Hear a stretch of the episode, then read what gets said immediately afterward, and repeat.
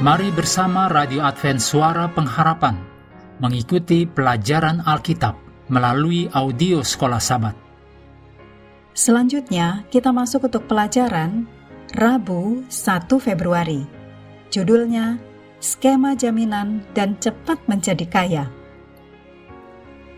Mari kita mulai dengan doa singkat yang didasarkan dari Mazmur 90 ayat 12.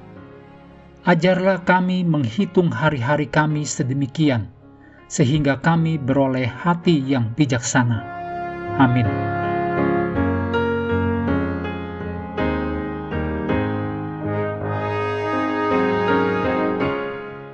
Kitab suci sangat jelas menyatakan bahwa Allah tidak menginginkan anak-anaknya bertanggung jawab atas kewajiban-kewajiban utang orang lain.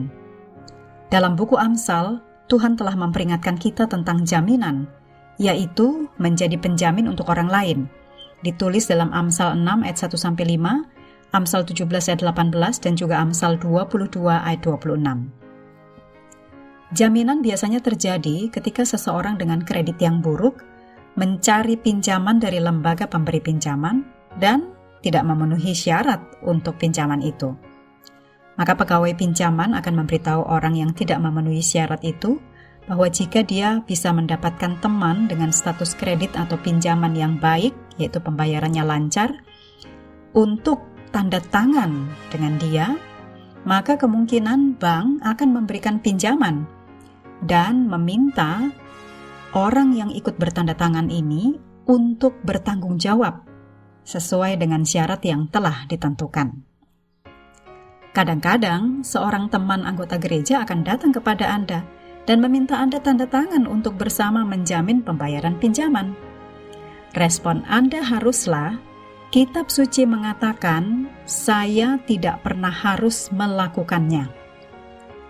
Jadi, tolong dimengerti bahwa Kitab Suci mendorong kita untuk berjiwa menolong mereka yang membutuhkan, tetapi kita tidak harus bertanggung jawab atas utang-utang mereka. Orang tua terkadang diminta oleh anak mereka untuk bertanggung jawab bersama atas pembelian mobil pertama mereka. Atau seorang anak dewasa akan meminta orang tuanya untuk tanda tangan penjamin pembayaran sebuah pinjaman bisnis. Jawaban yang sama berlaku adalah pantas untuk menolong orang lain jika ada kebutuhan yang nyata, tetapi jangan menjadi jaminan atas utang orang lain. Penelitian menunjukkan bahwa 75% mereka yang menjamin berakhir dengan mereka yang membayar. Amsal 28 ayat 20 dikatakan, Orang yang ingin cepat menjadi kaya tidak akan luput dari hukuman. 1 Timotius 6 ayat 9 dan 10 Tetapi mereka yang ingin kaya terjatuh ke dalam pencobaan, ke dalam jerat, dan ke dalam berbagai-bagai nafsu yang hampa dan yang mencelakakan, yang menenggelamkan manusia ke dalam keruntuhan dan kebinasaan. Karena akar segala kejahatan ialah cinta uang, sebab oleh memburu uanglah beberapa orang telah menyimpang dari iman dan menyiksa dirinya dengan berbagai-bagai duka. Skema keinginan untuk cepat kaya adalah perangkap keuangan yang lain. Hal itu hampir pasti membawa kehancuran keuangan bagi mereka yang terperangkap ke dalamnya. Ketika sesuatu kedengaran terlalu baik untuk menjadi kenyataan, itulah perangkapnya. Banyak orang yang terluka secara emosional dan secara keuangan. Tragedi tambahan dengan rencana licik ini, dalam banyak kasus, orang-orang harus meminjam uang hingga terlibat di dalam tragedi sejak pertama. Banyak kehidupan dan keluarga telah dihancurkan oleh skema cepat menjadi kaya yang berakhir dengan hanya memperkaya para penipu yang merancang hal itu dengan mengorbankan orang-orang yang jatuh dalam perangkap mereka.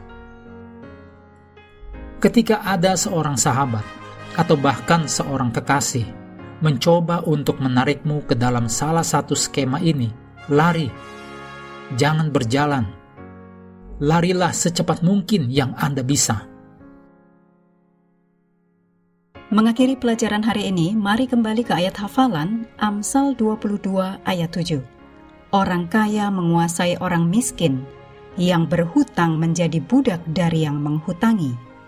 Kami terus mendorong Anda untuk mengambil waktu bersekutu dengan Tuhan setiap hari, bersama dengan seluruh anggota keluarga, baik melalui renungan harian, pelajaran sekolah sahabat, juga bacaan Alkitab sedunia percayalah kepada nabi-nabinya, yang untuk hari ini melanjutkan dari 2 Tawarif pasal 17. Tuhan memberkati kita semua.